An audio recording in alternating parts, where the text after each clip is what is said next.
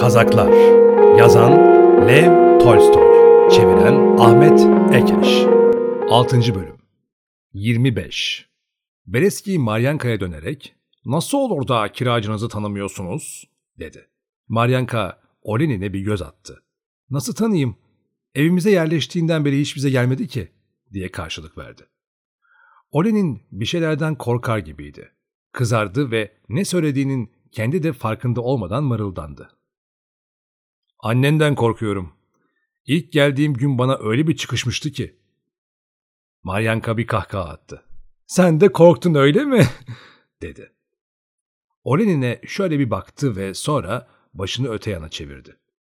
Olenin ilk olarak görüyordu Maryanka'nın tüm yüzünü. Daha önceleri gözlerine değin örtüyordu çünkü. Maryanka'nın köyün en güzel kızı sayılması boşuna değildi. Ustenka da güzel bir kızdı. Kısa boylu, dolgun, kırmızı yanaklı, ela gözlü, cıvıl cıvıl, kırmızı dudaklarında gülümseme hiç eksik olmayan, durmadan şaka yapan, konuşkan bir kızdı. Maryanka ise tersine güzel değil, tam bir dilberdi. Uzun boyu, çok biçimli bir vücudu, iri göğüsleri, yuvarlak omuzları vardı. Eğer kapkara kaşlarının altında çevresine hafif bir gölge düşen badem gibi çekik kara gözlerinin hem sert hem de tatlı bakışları eğer gülümseyişindeki tatlı, yumuşak anlatım da olmasa yüzünün çizgileri belki biraz erkekçe hatta kaba gelebilirdi insana. Çok az gülümsüyordu ve gülümsediği zaman da karşısındakini şaşırtıyordu. Vücudundan taze bir güç, bir dinçlik yayılıyordu çevresine. Sanki el değmemiş bir yaratık olduğunu belirtiyordu. Gerçi orada bulunan kızların hepsi de güzeldi ama kızlar olsun, Beletski olsun, Piryanikleri getiren emirleri olsun hepsi de ellerinde olmadan yalnızca Maryanka'ya bakıyorlardı. Kim konuşsa Maryanka'ya söylüyormuş gibi başını o yöne çeviriyordu. Maryanka da öteki arkadaşlarının arasında bir kraliçe gibi çalımlı, neşeliydi. Bereski geceye daha dostça bir hava verebilmek için durmadan konuşuyordu. Kızları çişir içmeye zorluyor, onlarla şakalaşıyor, ikide bir Olenin'e Maryanka'nın güzelliği hakkında Fransızca olarak hiç de yakışık almayan sözler söylüyordu.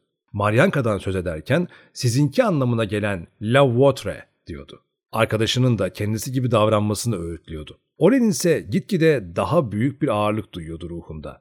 Hatta Beletski kendi doğum günü olduğu için Ustenka'nın çihiri öpücüklerle kendisine ikram etmesi gerektiğini bağırarak söylediği zaman Olenin hemen bir bahane uydurarak kaçıp gitmeyi düşündü.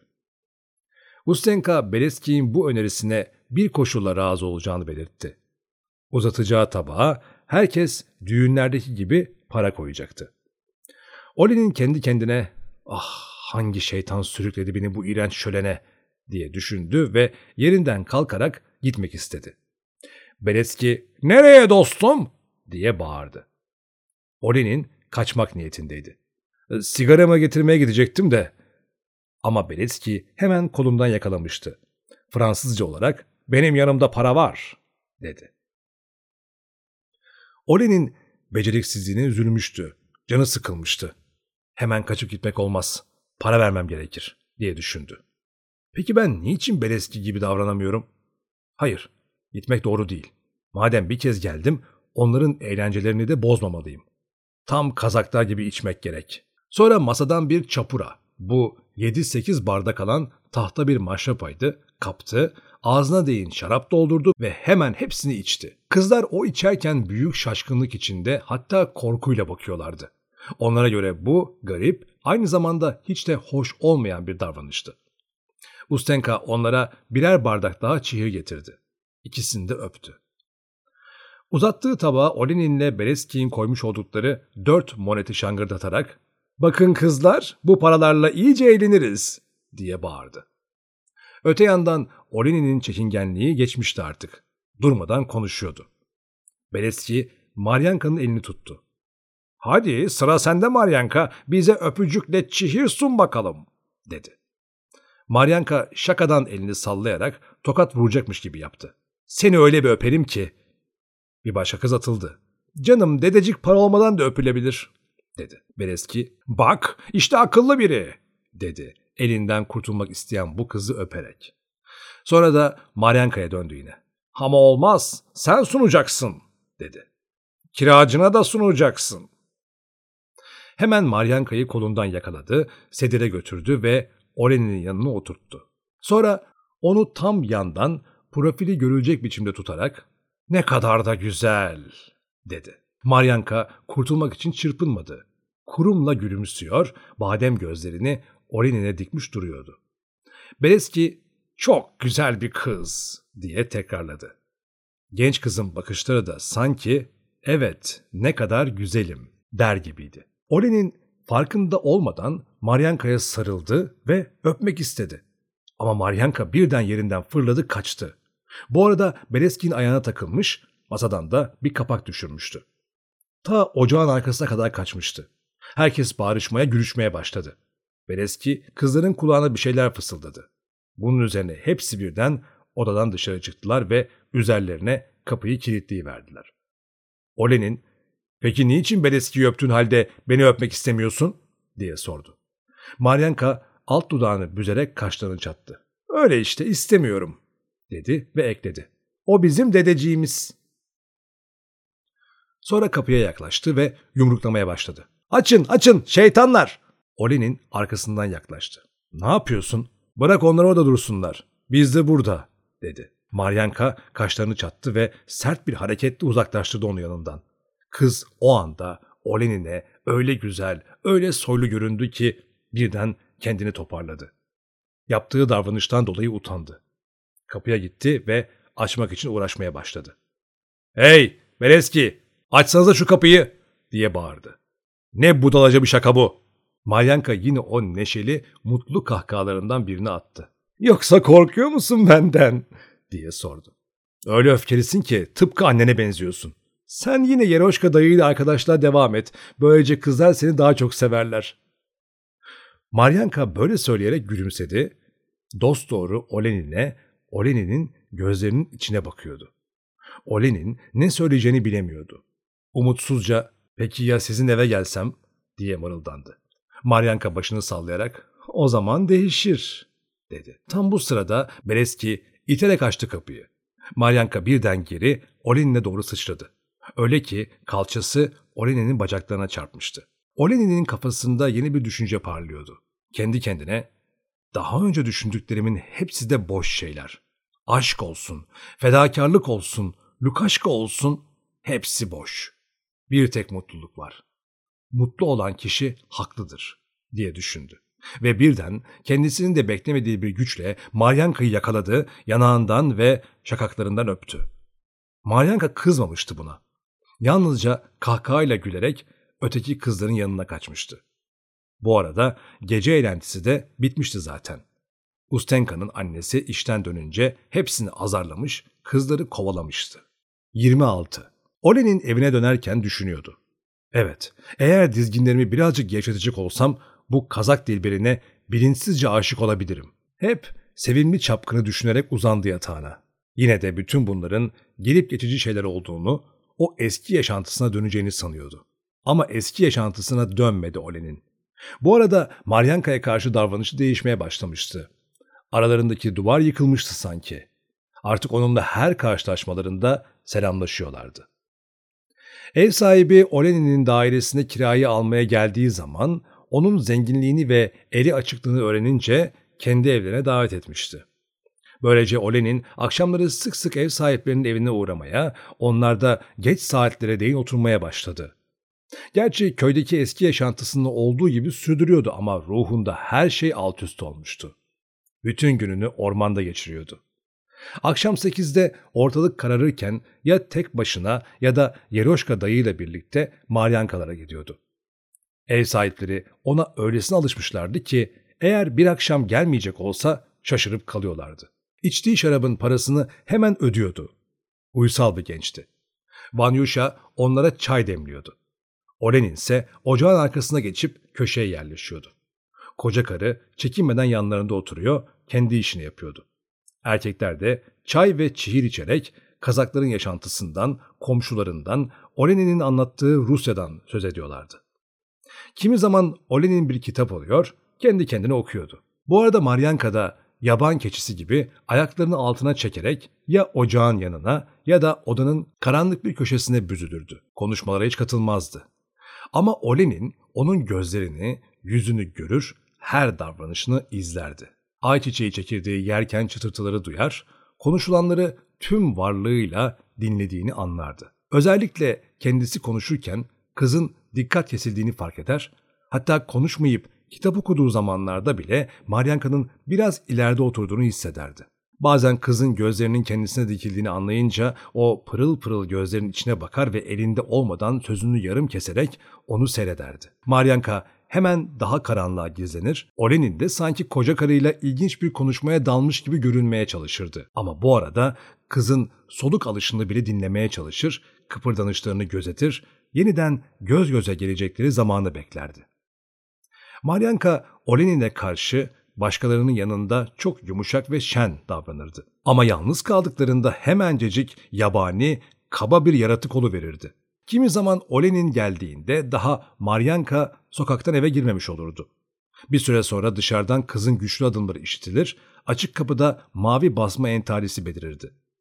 Odanın ortasına değin yürür, içeride Olenin'i görünce gözlerinde belli belirsiz gülümsemeye benzer bir parıltı tutuşurdu. O zaman Olenin derin bir neşeyle korkuya benzer bir coşkunluk duyardı içinde. Olenin ondan ne bir şey bekliyor ne de istiyordu. Ama kızın varlığını yanında duymak gün geçtikçe onun için daha büyük bir gereksinme oluyordu.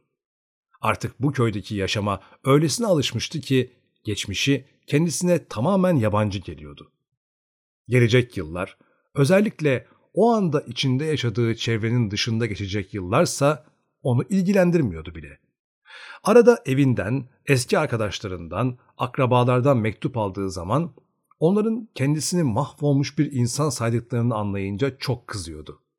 Çünkü o bu köyde yaşarken asıl mahvolan kişilerin kendisi gibi yaşamayanlar olduğunu düşünüyordu. Ve ileride hiçbir pişmanlık duymayacağına kesinlikle inanıyordu. Gerçi sefere çıktığı, karakollara uğradığı zamanlar da neşeliydi. Ama burada Yeroşka dayının koltuğunun dibinde, benimsediği ormanlarda, köyün bir ucunda bulunan evinde, özellikle Maryanka ile Lukaşka'yı düşündüğü zamanlarda büsbütün mutluydu. Eskiden bile içinde bir isyan duygusu uyandıran o yalancı, o sahte yaşantıyı şimdi daha bayağı, daha gülünç buluyordu. Böylesi sonsuz bir özgürlüktü. Daha insancı olabilmekti. Oysa ki Kafkasya ona hiç de hayalinde canlandırdığı gibi görünmemişti. Tasarladıklarının hiçbirini bulamamıştı. Burada gördükleri eskiden işittiği, okuduğu şeylere hiç benzemiyordu. Türlü düşünceler geçiriyordu kafasından. Ortalıkta ne cadılar, ne büyücüler, ne amalat bekler, ne kahramanlar, ne de kötü kişiler var. Burada insanlar tıpkı doğanın bir parçası gibi yaşıyorlar. Ölüyorlar, doğuyorlar, çiftleşiyorlar, sonra yeniden doğuyorlar. Savaşıyorlar, yemek yiyorlar, seviniyorlar, yeniden ölüyorlar sonra. Doğanın güneş, bitkiler, hayvanlar ve ağaçlar için koymuş olduğu yasalara ve koşullara hiçbir değişiklik yapma gereğini duymadan uyuyorlar. Zaten uyuyacakları başka yasalar da yok. İşte böyle düşündüğü için de o çevrenin insanlarını çok daha yakışıklı, çok daha güçlü ve özgür buluyordu. Onlara baktıkça kendi varlığından ve yaşantısından utanç duyuyordu.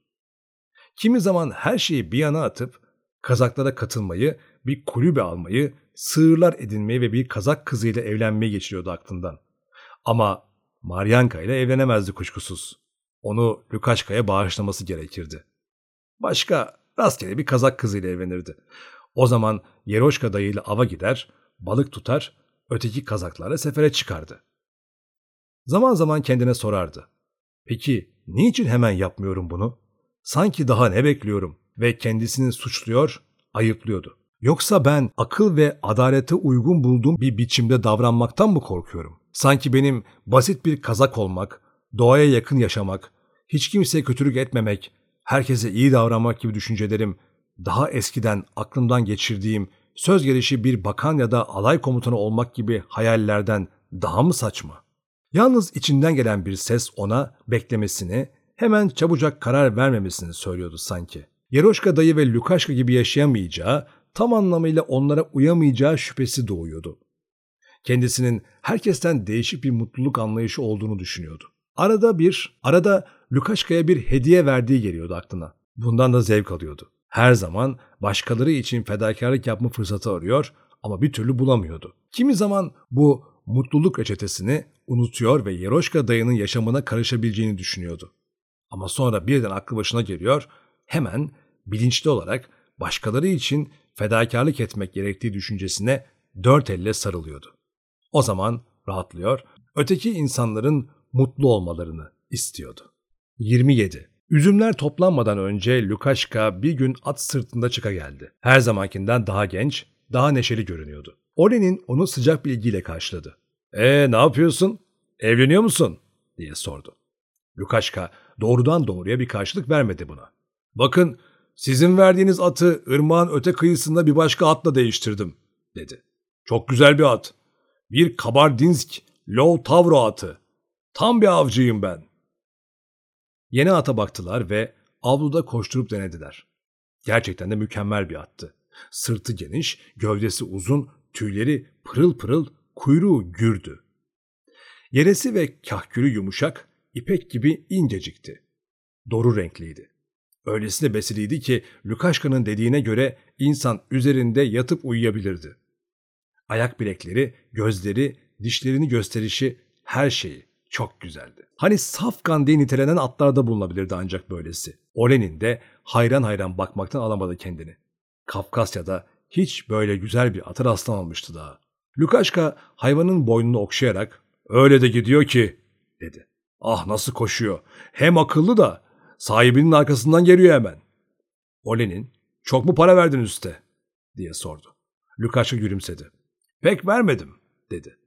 Dostumdan almıştım. Çok güzel bir at. Kaça satarsın? Lukaşka gülerek 150 monet verdiler ama size öylece para almadan veririm dedi. Yeter ki isteyin hemen veririm. Yalnız eğerini alırım. Siz de bana karakolda işime yarayacak bir at verirsiniz. Yok canım olur mu hiç? Nasıl isterseniz. Bakın size bir peşkeş getirdim. Lukaşka bunları söyledikten sonra kuşağını açtı ve kemerine asılı iki kılıçtan birini çıkardı. Irmağı öteki yakasından aldım, dedi. Aa, çok teşekkür ederim. Üzümü de annem kendisi getireceğine söz verdi. Canım ne gereği var. Biz seninle ödeştik zaten. Çünkü bu kılıç için para falan verecek değilim. Elbette para verilir mi? Biz seninle dost olmadık mı? Irmağı öte kıyısında Girey Han var ya, beni kulübesine götürdü ve dedi ki, al, istediğini seç. Ben de bu kılıcı seçtim aldım. Bizim geleneklerimiz böyle. Birlikte Olenin'in evine girdiler ve içmeye başladılar. Olenin, ne oldu? E, köyde çok kalacak mısın? diye sordu. Hayır, vedalaşmaya geldim. Beni kordondan yüzbaşıya, tereyin öte kıyısına gönderdiler. Şimdi arkadaşım Nazar'la birlikte gidiyoruz. Peki düğünü ne zaman yapacaksın? Luka bu konuda istemeyerek konuşuyordu. Kısa bir süre sonra geleceğim. Önce söz kesilecek, Sonra da yine görevime döneceğim. Nasıl olur? Nişanlını görmeyecek misin? Öyle işte. Nasıl görüşebiliriz ki? Sefere çıktığın zaman bizimkilere sorarsınız. Lukaşka, Shiroki'nin nerede olduğunu. Orada öyle bol yaban domuzu var ki ben iki tane vurdum. Sizi de götürürüm oraya. Hadi güle güle. Yüce Hristos seni korusun. Lukaşka atını atladı. Maryanka'ya uğramadan yiğit numaraları yaparak sokağa çıktı. Orada Nazarka bekliyordu kendisini. Nazarka Yamka'nın evinin bulunduğu yana doğru göz kırparak ''Ne yapıyoruz? Uğrayacak mıyız?'' diye sordu. Lukaşka ''Al şunu'' dedi. ''Atı onun evine götür. Eğer uzun süre gelmeyecek olursam hayvana yemini verirsin. Nasıl olsa sabaha karşı birliğimizde olmamız gerek.'' ''Ne oldu? Yunker sana başka bir şey daha hediye etmedi mi?''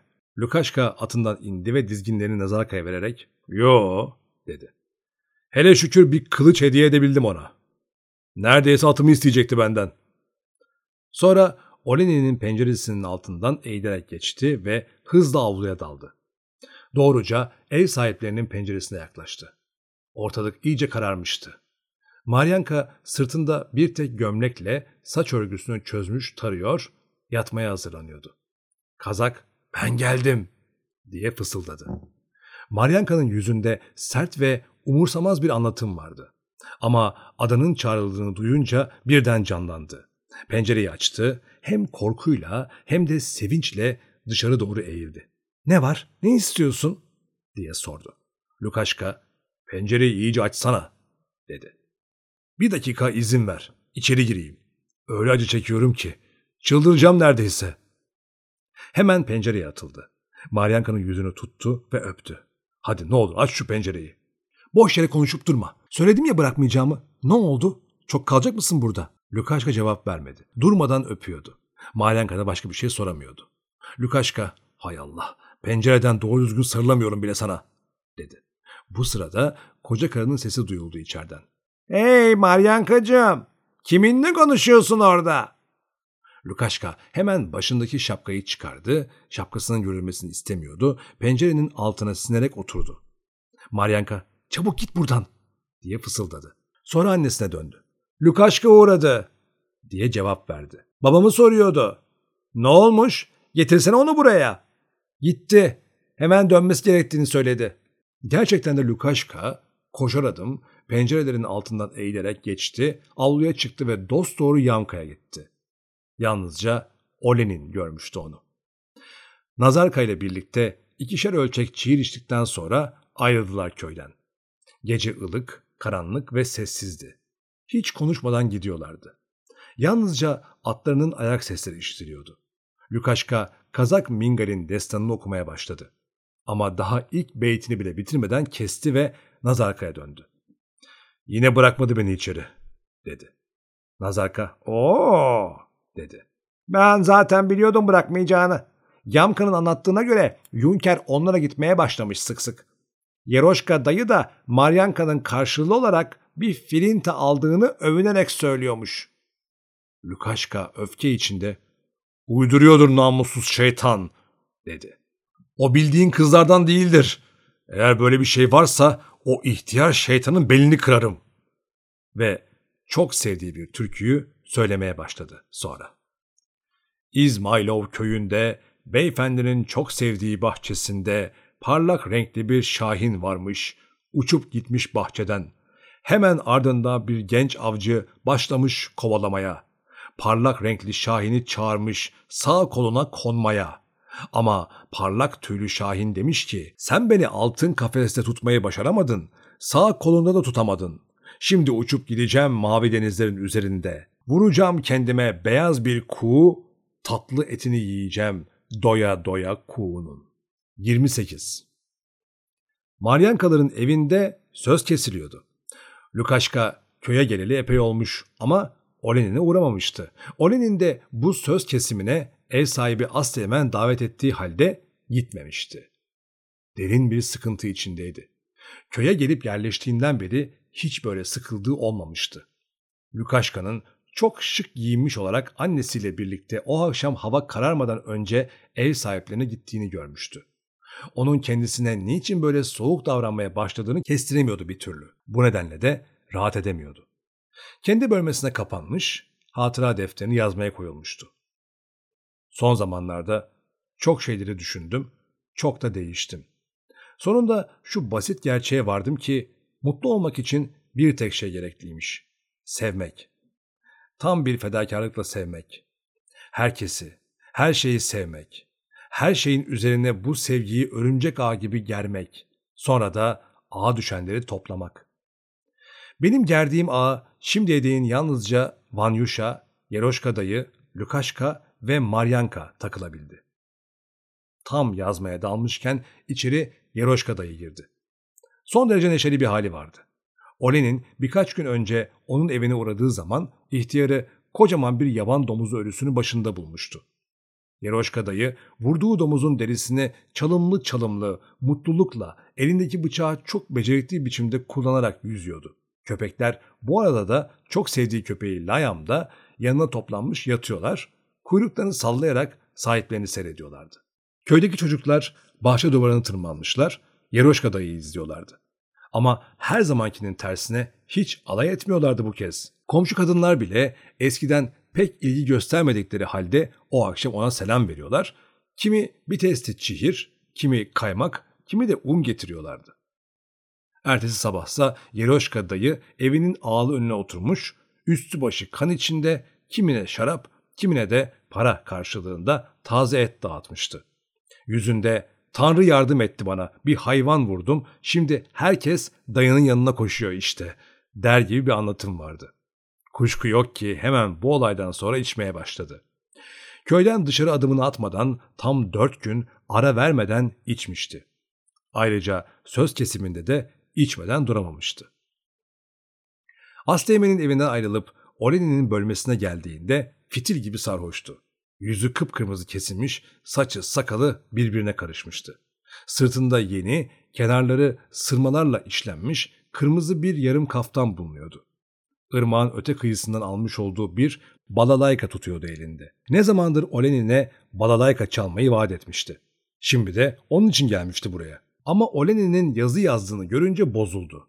Fısıltıyla yaz babam yaz dedi. Sonra sanki Olenin'le yazdığı kağıt arasında bir ilham perisi varmış ve en ufak bir davranışta bulunsa bu periyi ürkütü verecekmiş gibi çekine çekine usulca yere oturdu. Zaten Yeroşka dayının sarhoşken en hoşuna giden şey böyle yere oturmaktı. Olenin ona göz ucuyla baktı, uşağına şarap getirmesini buyurdu ve yazmasını sürdürdü. Yalnız başına içmekten canı sıkılmıştı Yeroşka dayının. Konuşmak, sohbet etmek istiyordu. Ev sahiplerinde söz kesimindeydim, dedi. Ne olacak? Hepsi de domuz. İstemiyorum ben. Doğru sana geldim. Olenin, nereden aldın bu balalaykayı? diye sordu ve yine yazısına döndü. Yeroşka dayı alçak sesle, ''Irmağın öte kıyısından babam, orada buldum bu balalaykayı.'' dedi. ''Çalmakta ustayımdır. Tatar havası olsun, Kazak bey, asker, hangi hava olursa olsun çalarım.'' Olenin bir kez daha başını kaldırıp baktı, gülümsedi ve yine önüne eğildi. Bu gülümseyiş ihtiyarı yüreklendirmişti. Birden kararlı bir sesle ''Hadi canım bırak artık boş ver'' dedi. ''Yoksa üzdüler mi seni? Boş ver onlara tükür içine. Ne yazıp duruyorsun öyle? Bir yararı var mı ki?'' Olenin'i taklit ederek kalın parmaklarıyla kale oynatır gibi yaptı ve geniş yüzünü alaylı alaylı çarpıttı.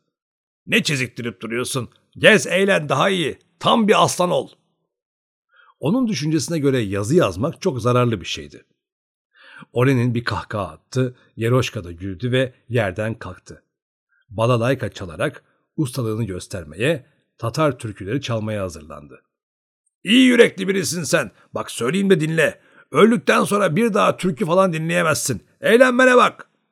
Ve bir yandan oynamaya, bir yandan da kendi uydurduğu bir türküyü söylemeye başladı. Hay didi didi didi didi di. Nerede gördüler onu? Pazarda dükkanda. Toplu iğne satardı. Pazartesi günü aşık oldum. Bütün salı acı çektim.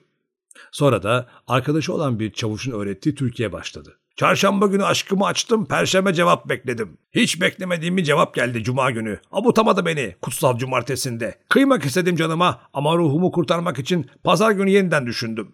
Yine başladı. Hay didi didi didi didi didi. Nerede götürdüler onu? Sonra gözlerini kırpıştırarak, omuzlarını silkelerek, sıçraya sıçraya dönerek başka bir türkü tutturdu. Öperim, kucaklarım, boynuma kırmızı kurdele takarım. Nadeşkacığım derim sana, nadeşkacığımsın benim. Acaba doğru mu beni sevdiğin? Yeroşka dayı öylesine coşmuştu ki, dans eder gibi zıplıyor, yaşından umulmayacak hareketler yapıyor, odada dönüp duruyordu. Bu di ve buna benzer beyefendi türkülerini Oleni'nin onuruna söylemişti.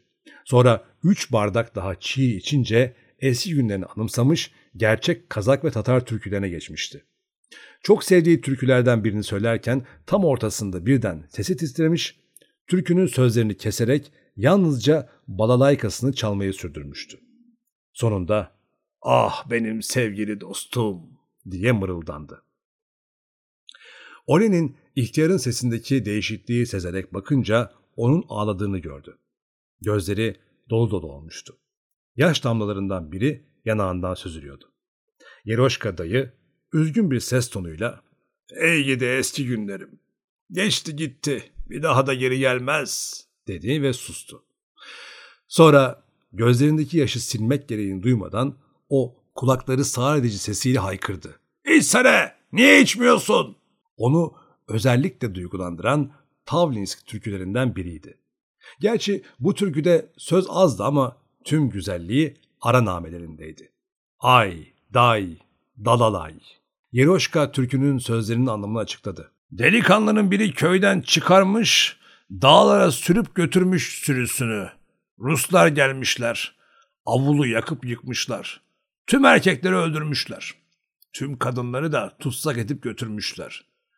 Genç dağdan köyüne dönmüş. Bakmış ki avul yeri bomboş. Annesi, kardeşleri yok. Evi de yıkılmış. Yalnızca bir tek ağaç kalmış. Delikanlı ağacın dibine oturmuş ve ağlamaya başlamış. Tıpkı senin gibi yapayalnız kalmış.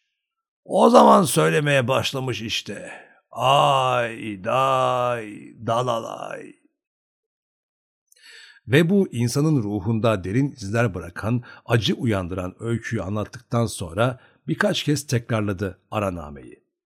Sonra birden duvardan tüfeği kaptı, koşarak avluya çıktı ve tüfeğin iki namlusundaki mermileri de boşalttı havaya. Üzüntüyle yeniden mırıldandı aranameyi. Ay day dalalay. Birden sustu. Olen'in de onun ardından merdiven başına çıkmıştı. Hiç sesini çıkarmadan yıldızlı gökyüzünde parlayan mermileri izliyordu. Ev sahibinin evinde ışıklar yakılmış, bağrışmalar başlamıştı. Kızlar merdiven başına ve pencerelere doluşmuşlardı. İzbuşkadan sofaya dalmışlardı bir kısmı. Birkaç kazak hemen dışarı fırlamışlar, kendilerini tutamayarak çığlıklar atıyorlar, Yaroşka dayının söylediği Türkiye eşlik ediyorlar ve onun gibi havaya ateş ediyorlardı. Olen'in ''Niçin sen söz kesiminde bulunmuyorsun?'' diye sordu. Anlaşılan içeride onu bir şeyden dolayı kızdırmışlardı. ''Hayırlı olsun, hayırlı olsun.'' diye mırıldandı Yeroşka dayı. ''Sevmiyorum, sevmiyorum. Bizim halkımız böyle işte. Hadi eve girelim. Onlar kendilerine göre biz de kendi kendimize eğleniriz.'' Olen'in evine girdi. Lukaşka ne yapıyor? Keyfi yerinde mi? Bana uğramadı nedense, dedi. İhtiyar fısıltıyla. Ne Lukaşkası? Ona benim kızı sana alıvereceğimi söylemişler, dedi. Kız dediğin de neymiş? Eğer istersek bizim olur elbette. Bastır fazla parayı bizim olsun. Doğru söylüyorum. Eğer istersen yaparım bunu. Hayır dayı. Sevgi olmazsa para hiçbir şeyi çözümlemez. En iyisi bırakalım. Yeroşka dayı birden biz seninle sevilmeyen kişileriz, öksüzüz dedi ve ağlamaya başladı. Olen'in ihtiyarın anlattıklarını dinlerken biraz aşırı içmişti. İçinden benim Lukaşkam mutlu ya yeter diyordu. Ama yine de üzüntü içindeydi. İhtiyar da bu akşam her zamankinden çok içmişti. Sonunda yere yuvarlandı. Öyle ki Vanyusha onu dışarı taşıyabilmek için bir asker çağırmak zorunda kaldı. Taşırken yere tükürüyordu durmadan. İhtiyara öylesine kızmış, bu yakışıksız davranışını öyle iğrenç bulmuştu ki öfkesinden Fransızca bile konuşmuyordu.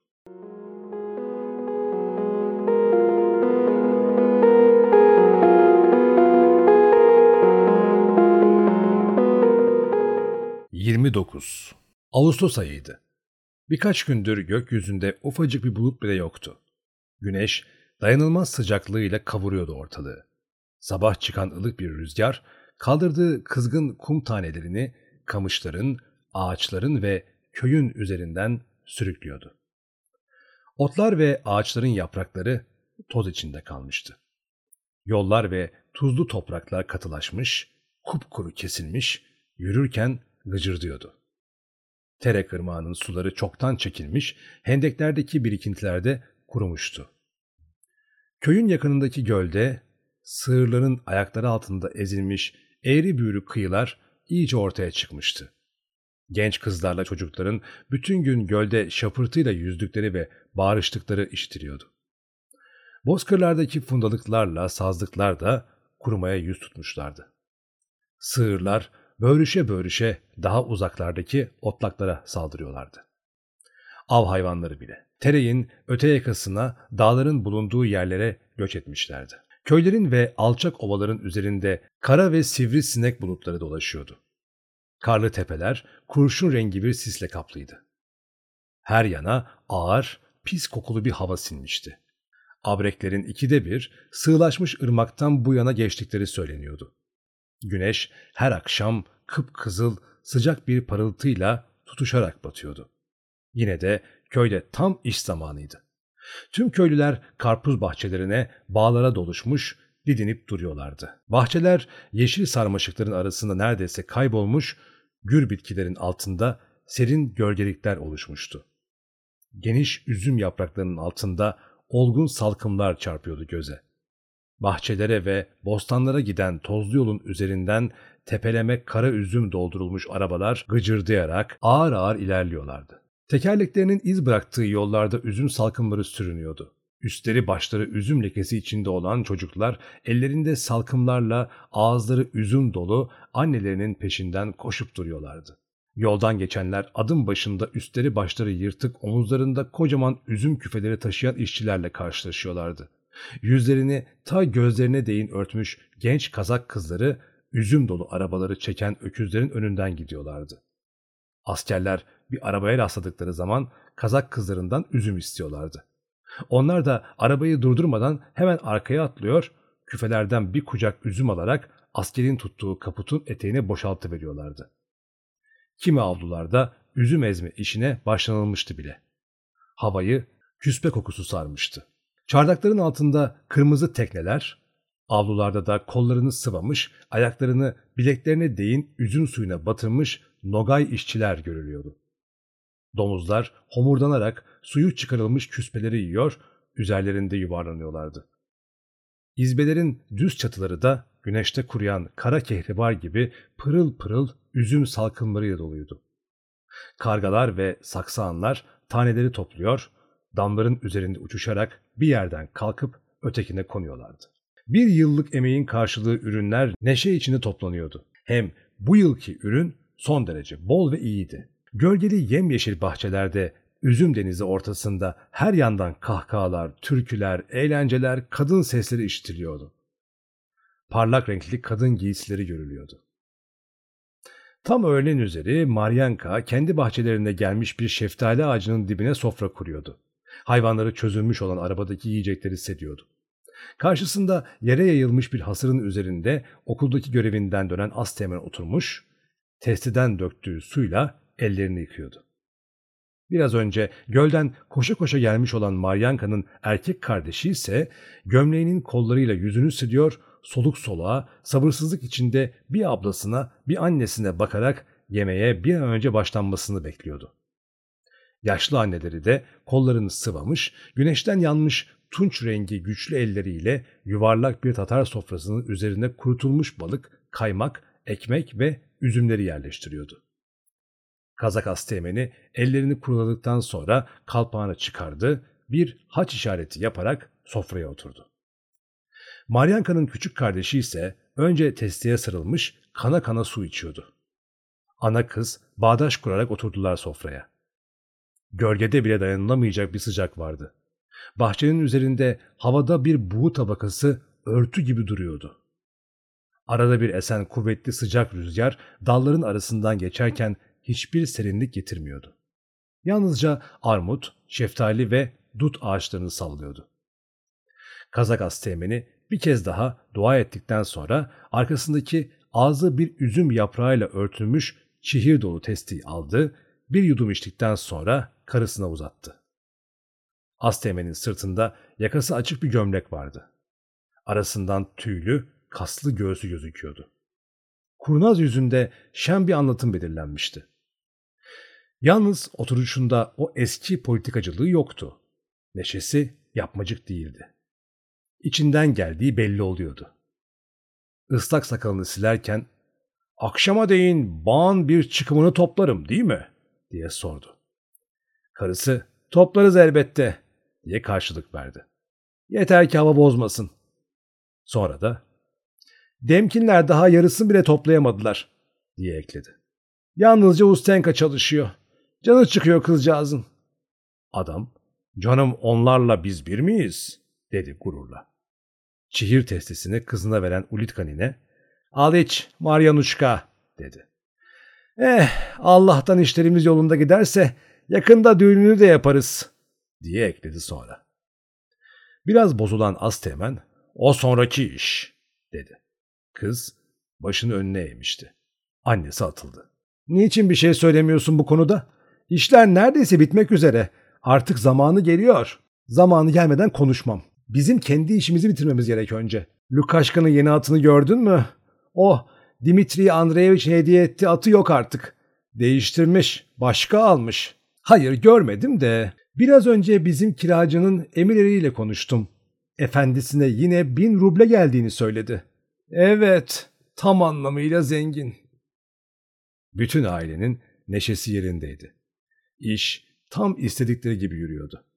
Üzüm ürünü çok boldu. Hem de onların beklediklerinden çok daha bol. Maryanka öküzlerine ot verdikten, kendi karnını da iyice doyurduktan sonra yarım kaftanını başının altına koymuş, arabanın altına girerek dolgun sapları ezilmiş otların üzerine uzanmıştı. Başında kırmızı ipekli bir başörtü, sırtında da mavimsi, rengi solmuş bir basma entari vardı. Ortalık sıcaktan kavruluyordu. Dayanılacak gibi değildi. Kızın yüzü al al olmuştu. Ayaklarını güneşten nasıl koruyacağını bilemiyordu. Gözleri ise yorgunluktan ve bastıran uykudan hafifçe nemlenmişti. Dudakları elinde olmadan aralık duruyor, her soluk alışında göğsü kabarıp iniyordu. Bağdaki sürekli işler başlayalı iki hafta kadar olmuştu. Bu ağır, aralıksız çalışma genç kızın bütün gününü dolduruyordu. Sabahın erken saatinde şafak sökerken yatağından kalkıyor, soğuk suyla yüzünü hemen yıkıyor, başına başörtüsünü acelece bağlayarak yalın ayak sığırların peşine koşuyordu. Sonra ayaklarını ayakkabılarını geçiriyor, entarisinin üzerine yarım kaftanını giyiyordu. Bohçaya bağlanmış ekmeği sırtına alıyor ve hayvanları arabaya koşarak bütün gün bağda kalıyordu. Orada da ancak bir saat kadar dinlenebiliyordu. Bütün gün üzüm salkımlarını kesiyor, sepetleri taşıyor, akşamları da neşe içinde ama yorgun argın öküzleri ya iple önlerinden çekerek ya da sırtlarına bir değnekle vurarak arabayla köye dönüyordu. Karanlık basarken sığırları ahıra kapıyor, entarisinin geniş yenine ayçiçeği dolduruyor, köy kızlarıyla konuşup gülüşmek üzere köşe başına çıkıyordu. Batan güneşin son ışıkları söner sönmez de hemen eve dönüyor, karanlık izbuşkada annesi, babası, erkek kardeşiyle akşam yemeğini yiyince kafasını hiçbir düşünceyle yormadan oldukça dinç odaya giriyordu. Sonra ocağın hemen yanına geçip oturuyor, yarı uykulu kiracılarının anlattıklarını dinliyordu. Olen'in gider gitmez hemen kendini yatağa atıyor, sabaha değin hiç kesiksiz derin bir uykuya dalıyordu. Ertesi günde aynı biçimde geçiyordu. Maryanka söz kesildiği günden beri Lukaşka'yı hiç görmemişti. Sakin sakin düğün gününün gelmesini bekliyordu. Artık kiracıya da alışmıştı ve onun kendisine uzun uzun bakmasından zevk bile duyuyordu. 30. Sıcaktan herkes nereye kaçacağını bilemiyor, sinekler arabanın serin gölgesi çevresinde öbek öbek dolaşıyordu. Maryanka'nın erkek kardeşi de yanında uyurken ikide bir kıpırdayarak ona çarpıyordu. Ama yine de Maryanka başörtüsünü iyice dolamış, neredeyse uyumak üzereydi. Komşu kız arkadaşı Ustenka koşarak geldi ve usulca arabanın altına sokulup kızın yanı başına uzandı. İyice yerleştikten sonra ''Hadi bakalım uyuyalım şimdi'' dedi. Sonra birden fırladı yerinden. ''Dur bakalım bu böyle olmayacak.'' Arabanın altından çıktı. Yeşil yapraklı dallar koparıp geldi. İki yandaki tekerlekleri iyice dallarla kapadı. En üstüne de yarım kaftanını örttü. Yeniden arabanın altına yatarken çocuğu gördü. Sen gitsene bakalım dedi. Kazak erkeklerinin kızlarının arasında ne işi var? Çekil git hadi. Ustenka arabanın altında arkadaşlarıyla yalnız kalınca birden iki koluyla sımsıkı sarıldı. Göğsüne bastırdı ve Maryanka'yı yanaklarından, boynundan öpmeye başladı. Çın çın kahkahalar atarak ince bir sesle ''Sevgilim benim, aslanım benim'' diyordu. Maryanka kurtulmaya çalışarak ''Bakıyorum dedeciğin dersleri de hiç boşa gitmemiş, bırak be!'' İkisi de kahkahalarla gülmeye başladılar. Öyle ki sonunda anneleri bağırmak zorunda kaldı onlara. Ustenka fısıltıyla ''Ne o? Kıskanıyor musun yoksa?'' dedi. ''Ne saçmalıyorsun? Bırak da uyuyalım. Hem sen niçin geldin buraya?'' Ama Ustenka rahat durmuyordu. ''Sana öyle şeyler anlatacağım ki ah bir bilsen.'' Maryanka dirseklerinin üzerinde hafifçe doğruldu ve başından kaymış başörtüsünü düzeltti. ''Ne söyleyeceksin bakalım?'' Sizin kiracınız hakkında neler biliyorum neler. Bana ne? Ne bilirsen bil. Ustenka dirseğiyle hafifçe dürttü onu.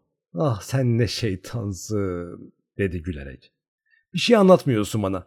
Size geliyor değil mi? Maryanka evet geliyor. Ne olacakmış dedi. Ama birden kıpkırmızı kesildi. Ustenka'nın şen kırmızı yüzünde birden bir düşünce belirmişti. Bak ben basit bir kızım. Her şeyimi de anlatırım.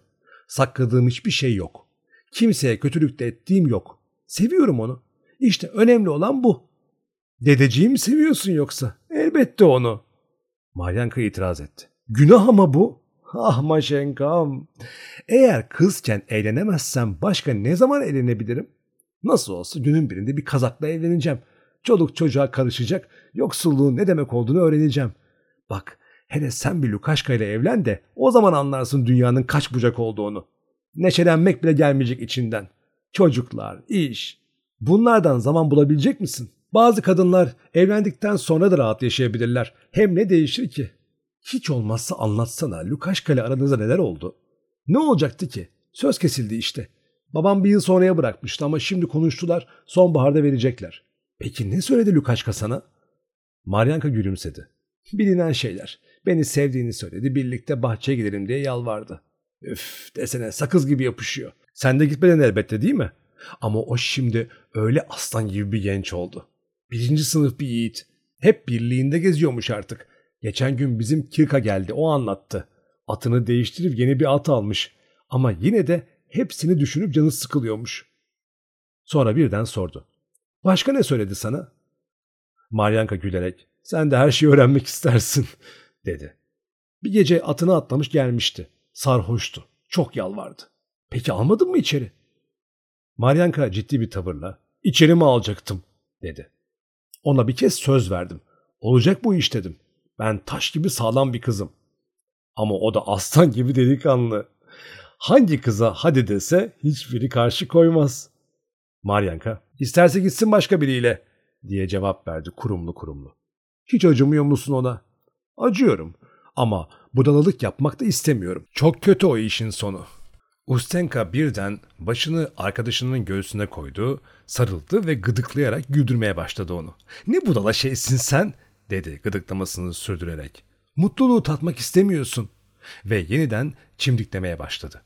Maryanka hem gülüyor hem de çığlıklar atıyordu arada. Ay çekil be Lazutka'yı ezeceksin. Arabanın arkasından Maryanka'nın annesinin uykulu sesi duyuldu yeniden. Ah şeytanlar azdılar uslanacakları yok yatsanıza. Ustenka hafifçe doğruldu. Sen mutlu olmayı istemiyorsun diye tekrarladı fısıltıyla. Ama yine de mutlusun valla. Nasıl da seviyorlar seni. Üstelik onlara iyi davranmadığın halde. Ah eğer senin yerinde olsaydım kiracınızı öyle avcuma alırdım ki. Bizde toplandığımız zaman bakmıştım. Adam neredeyse gözleriyle yiyecekti seni. Benim dedecik ne hediyeler alıyor bana. Sizin kiracıya gelince duymuşsunuzdur Rusya'nın en önde gelen zenginlerinden birisiymiş. Emirleri söylüyordu. Evinde özel uşakları varmış. Maryanka doğruldu. Bir süre düşündü. Sonra gülümsedi. Bir ot koparıp ısırarak ''Bizim kiracı bir gün bana ne dedi biliyor musun?'' dedi. Dedi ki Keşke ben de Lukaşka gibi bir kazak ya da kardeşin Lazukka gibi biri olsaydım. Niçin söyledi acaba bunu? Ustenka, hiç öylece söylenmiş işte. Aklına geleni söylemiş diye karşılık verdi. Benimki de neler neler söyler böyle. Sanki içi bozuk bu adamın. Maryanka başını katlanmış yarım kaftanın üzerine koydu, kolunu Ustenka'nın omzuna attı ve gözlerini kapadı. Bir süre sustuktan sonra, ''Şimdi de bahçede çalışmaya gelmek istediğini söyledi. Babam da davet etti, dedi ve uykuya daldı. 31. Güneş arabanın gölgesinde bulunduğu armut ağacının arkasından çıkmıştı. Eğri güneş ışınları Ustenka'nın tekerlekleri sardığı dalların arasından bile sızıyor, altta uyumakta olan kızların yüzünü yakıyordu. Maryanka uyandı. Başındaki örtüyü düzeltti. Çevresine şöyle bir göz gezdirince armut ağacının dalları arasından kiracısını gördü. Olen'in omzunda tüfeğiyle durmuş, kızın babasıyla konuşuyordu. Maryanka hemen Ustenka'yı dürttü, ses çıkarmadan gülümseyerek Olen'ini gösterdi. Olen'in çevresine huzursuzca bakıyor ama dalların gerisindeki Maryanka'yı göremiyordu. Dün akşam hep dolaştım ama bir tane bile bulamadım diye anlatıyordu.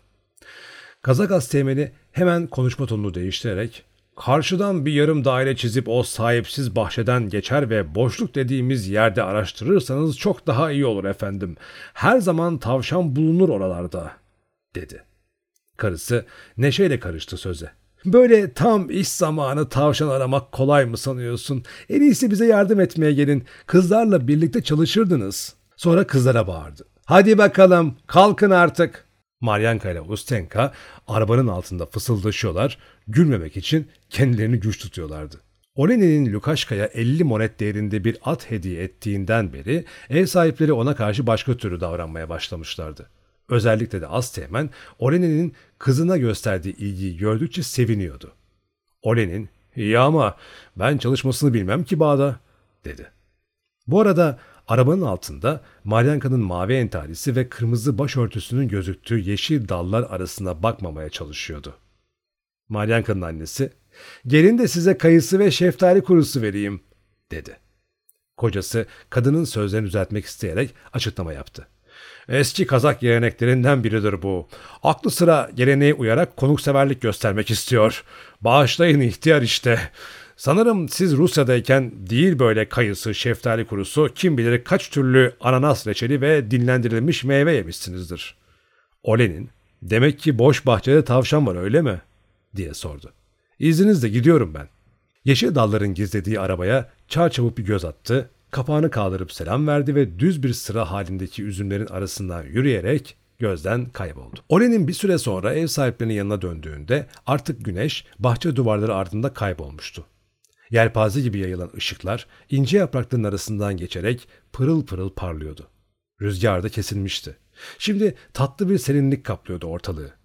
Olen'in daha oldukça uzaktayken seçmişti Maryanka'nın mavi entarisini. Genç kız üzüm kütükleri dizileri arasındaydı.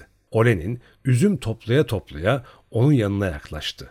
Yorgun ve susuzluktan bitkin düşmüş olan köpeği de ara sıra tükrük saçan ağzıyla aşağı doğru sakmış bir üzüm salkımını koparıyor, sonra yine yürümesine devam ediyordu. Maryanka'nın yanakları al al olmuştu. Kollarını sıvamış, başındaki örtüyü çenesinden daha aşağı indirmiş, çevik hareketlerle çabuk çabuk salkımları kesiyor bir sepete dolduruyordu. Orenin'i görünce elindeki sepeti bırakmadan bir an duraladı, iştenlikle gülümsedi ve sonra yine çalışmasını sürdürdü. Orenin ona yaklaştı ve tüfeği omzuna astı. Anlaşılan ellerinin serbest kalmasını istiyordu. Seninkiler nerede? Tanrı yardımcı olsun. Yalnız mısın? demek istiyordu ama hiçbir şey söylemedi. Yalnızca kalpağını kaldırdı. İstemeyerek Maryanka'yla yalnız kalmıştı. Bu durumdan hoşnut kalmamakla birlikte yine de kıza yaklaştı. Maryanka, böyle tutarsan bizim kadınları vurursun tüfeğinle, dedi. Hayır, ateş etmem ki. İkisi de sustular. Sen de yardım etsene, dedi genç kız. Olen'in bir bıçak çıkardı ve sessizce salkımları kesmeye başladı. Bir ara en alttaki taneleri sanki birbirine yapışmış gibi duran hemen hemen 3 funt ağırlığındaki bir salkımı Maryanka'ya gösterdi. Bunu da keseyim mi? Daha yeşil sayılır değil mi? Bana ver. Elleri birbirine değdi bu arada. Olen'in kızın elini tuttu. Maryanka ise gülümseyerek ona bakıyordu. Hemen yakında evlenecek misin? Maryanka cevap vermedi. Arkasını döndü ve kaşlarını çatarak sert sert baktı ona. Lukaşka'yı seviyor musun? Diye sordu Olen'in. Sana ne? Kıskanıyorum onu. Ne yapalım? Doğru söylüyorum. O kadar güzelsin ki. Olen'in birden bir derin pişmanlık duydu. Nedense söylediği sözler çok alçakça gelmişti ona. Kızardı, şaşırdı ve yine kızın iki elini tuttu. Maryanka, ben nasıl olursam olayım seni ilgilendirmez, dedi. Niçin alay ediyorsun? Ama bakışları Oleni'nin alay etmediğini, bildiğini gösteriyordu. Alay mı? diye karşılık verdi Olenin. Eğer bilseydin ki ben sözlerinin büsbütün alçakça ve bayağı olduğunu hissediyordu Olenin ama dönüş yapamazdı artık. Bilmiyorum senin için neleri yapardım. Yeter sakız gibi yapışma. Oysa Maryanka'nın yüzü, parlak gözleri, dik göğüsleri ve güzel ayakları apayrı şeyler söylüyordu. Olenin'e öyle geliyordu ki Maryanka onun söylediklerinin nedenli alçakça olduğunu anlıyordu. Ama bu erkek varlığını sözlerinin çok üstünde tutuyordu ve her şeyi çok iyi biliyordu. Ama yine de Olenin'in nasıl anlatabileceğini muhakkak ki merak ediyordu. Zaten bilmemesi düşünülemezdi. Çünkü Olenin onun nasıl bir varlık olduğunu anlatmak istiyordu. Nasıl olur da anlamaz? Çünkü benim söylemek istediğim bu kızın kendisi değil miydi? Ama anlamaz gibi davranıyor ve bir cevap vermek istemiyor diye düşünüyordu Olenin. Birden hemen yakınlarından bir üzüm kütüğünün arkasından Ustenka'nın gülüşü ve ince sesi duyuldu. Huu, gelsene Dimitri Andreevich, bana da yardım etsene, ben yalnızım. Olenin'e gülerek bunları söyledikten sonra yaprakların üzerinden yuvarlak masum yüzünü gösterdi. Olenin hiç karşılık vermedi ve yerinden de kıpırdamadı. Maryanka salkımları kesmesini sürdürüyor, arada bir de kiracısının yüzüne bakıyordu. Olenin bir şeyler söylemek için başlamış ama sonra susmuş, omuzlarını silkerek tüfeğini eline alıp hızlı adımlarla bahçeden çıkıp gitmişti. Kızların arkasından kahkaha atıp bağırdıklarını duyarak iki kez durakladı ve sonra gözden kayboldu. 32. Olen'in bütün o günü ormanda avda geçirdi. Ama hiçbir şey vuramadan ortalık iyice karardıktan sonra döndü evine. Avludan geçerken ev sahiplerinin izbuşkasının açık kapısını ve içeriden Maryanka'nın mavi entarisini gördü. Özellikle yüksek sesle Vanyuşa'ya seslendi. Geldiğini haber vermek istiyordu. Sonra merdiven başına her zamanki yerine oturdu. Ev sahipleri bahçeden dönmüştü. İzbuşkadan çıkarak kendi evlerine geçtiler. Ama onu çağırmamışlardı evlerine. Maryanka yarı karanlıkta iki kez avlu kapısından çıkıp geri döndü. Olen'in bunların birinde Maryanka'nın başını hafifçe çevirip kendisine baktığını sezer gibi oldu. Genç kızın her hareketini izliyordu ama yine de yanına yaklaşmaya cesaret edemiyordu bir türlü. Bir süre sonra Olen'in de basamaklardan indi ve avluda bir aşağı bir yukarı dolaşmaya başladı sevdiği kızla karşılaşabilmek umuduyla. Ve böylece saatler akıp gitti. Kulağı sürekli olarak kirişteydi.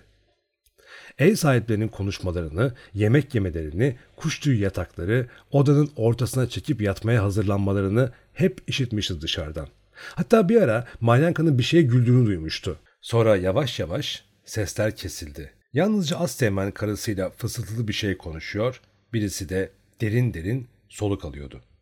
Olen'in odasına döndü. Vanyusha sırtındaki giysileri çıkarmadan yatmış uyumuştu. Uşağına hayran hayran baktı. Sonra yeniden avluya çıkıp dolaşmaya başladı. Sanki bu gece olağanüstü şeyler olacakmış gibi bir duygu vardı içinde. Ama ev sahiplerinin bölmesinde en küçük kıpırtı olmadı. İçeriden yalnızca üç kişinin düzenli soluk alışlarını işitiyordu. Ve Olen'in bunlar arasında Maryanka'nın soluk alışını ayırt edebiliyordu. Bir onu bir de kendi yürek atışlarını dinliyordu zaten. Köy derin bir sessizliğe bürünmüştü. Oldukça geç çıkan ay gökte iyice yükselmiş, avluda homurdana homurdana yatmaya ya da kalkmaya çalışan sığır karaltılarını daha belirgin bir biçimde göstermeye başlamıştı. Olen'in boşuna bekliyorum diye düşünüyor ama bir türlü kendisini gecenin güzelliğinden koparıp alamıyordu. Derken ev sahiplerinin bölmesinde ayak sesleri ve döşeme çıtırtıları iştir gibi oldu. Hemen o kapıya doğru atıldı. Ama hayır, yine o düzgün soluk alışlarından başka ses duyulmuyordu. Avluda yatan bir manda derin derin iç çekiyormuş gibi tısladı, ön ayakları üzerine doğruldu ve ayağa kalktı. Kuyruğunu salladı, avlunun çamurla sıvalı zemininde şap şap yürüdü. Sonra da gitti. Ay ışığının aydınlatamadığı bir köşeye çekildi ve yere çöktü. Olen'in kendi kendine Ne yapmalıyım diye sordu yeniden. Artık kesin kararını vermiş, yatağına dönmeye hazırlanıyordu. Ama tam evine gireceği sırada yine kulağına sesler geliyordu. Hayalinde topraktan yükselen buğulara sarılmış bu gecede Maryanka'nın dışarı çıktığını görür gibi oluyordu. Artık şafak sökmek üzereydi. Kim bilir kaçıncı kez ev sahiplerinin penceresine yaklaşan Olen'in elinde olmayarak kepengi tıklattı ve ses çıkarmadan kapıya doğru koştu. O zaman gerçekten de içeriden Maryanka'nın içini çektiğini işitti. Biraz sonra kızın kalkıp yürüdüğünü duydu. Hafifçe kapının tokmağına vurdu. Birisi yalın ayak, çekingen adımlarla döşemeyi gıcırdatarak kapıya geliyordu. Sürgü çekildi ve kapı hafif bir çıtırtıyla aralandı. İçeriden nane ve bal kabağı kokusu geliyordu. Sonra da Maryanka göründü kapıda. Olen'in onu ancak fark edebildi. Çünkü kız hemen kapıyı vermişti kapıyı. Sonra içeriden bir şeyler fısıldayarak çabucak uzaklaştı. Olen'in hafif hafif tıklatıyordu kapıyı. Ama hiçbir karşılık alamadı. Ve yine ses çıkarmadan pencereye koştu ve kulağını dayayarak içerisini dinlemeye başladı. Bu sırada birden duyduğu tiz, sert bir erkek sesi şaşırttı onu. Kafasında beyaz bir kalpak bulunan orta boylu bir kazak genci avluya girdi ve Oleni'nin burnunun dibine sokuldu. ''Oo maşallah'' dedi. ''Gördüm. Çok hoş doğrusu.'' Olen'in Nazarka'yı tanımıştı. Ne söyleyeceğini, ne yapacağını bilemeyerek durdu. Nazarka sürdürdü konuşmasını. Çok hoş doğrusu. Şimdi doğruca köy muhtarına gideceğim. Orada anlatacağım. Babasına da söyleyeceğim. Demek Kazak Asteğmeni'nin kızı böyle ha? Bir tanesi az gelir ona demek. Olen'in benden ne istiyorsun diye sordu güçlükle. Ne yapmamı istiyorsun? Bir şey istediğim yok. Yalnızca köy muhtarına anlatacağım. Nazarka bağıra bağıra konuşuyordu. Anlaşılan bile bile yapıyordu bunu. Bak sen, bizim Yunker amma becerikliymiş. Olen'in ürperdi ve sapsarı kesildi. Gel buraya, buraya gel, dedi. Nazarka'yı elinden kuvvetle tutarak kendi evinin önüne götürdü. Hiçbir şey olmadı. Beni içeride almadı. Hem ben hiçbir şey. Namuslu bir kız o. Nazarka, namuslu mu değil mi orada anlaşılır, dedi. Dur. Sana bir şeyler vermeyi düşünüyordum. Dur biraz. Nazarka sesini çıkarmadı. Olen'in hemen kendi evine koştu ve on ruble getirdi verdi. Hiçbir şey olmadı aramızda. Hem ne önemi var zaten? Ben suçlu olduğumu kabul ediyorum. Al bunlar senin olsun. Yalnız Allah'ını seversen kimseye bir şey söyleme. Hiçbir şey geçmedi aramızda. Nazarka güldü. Hadi hoşça kal dedi ve çıktı gitti.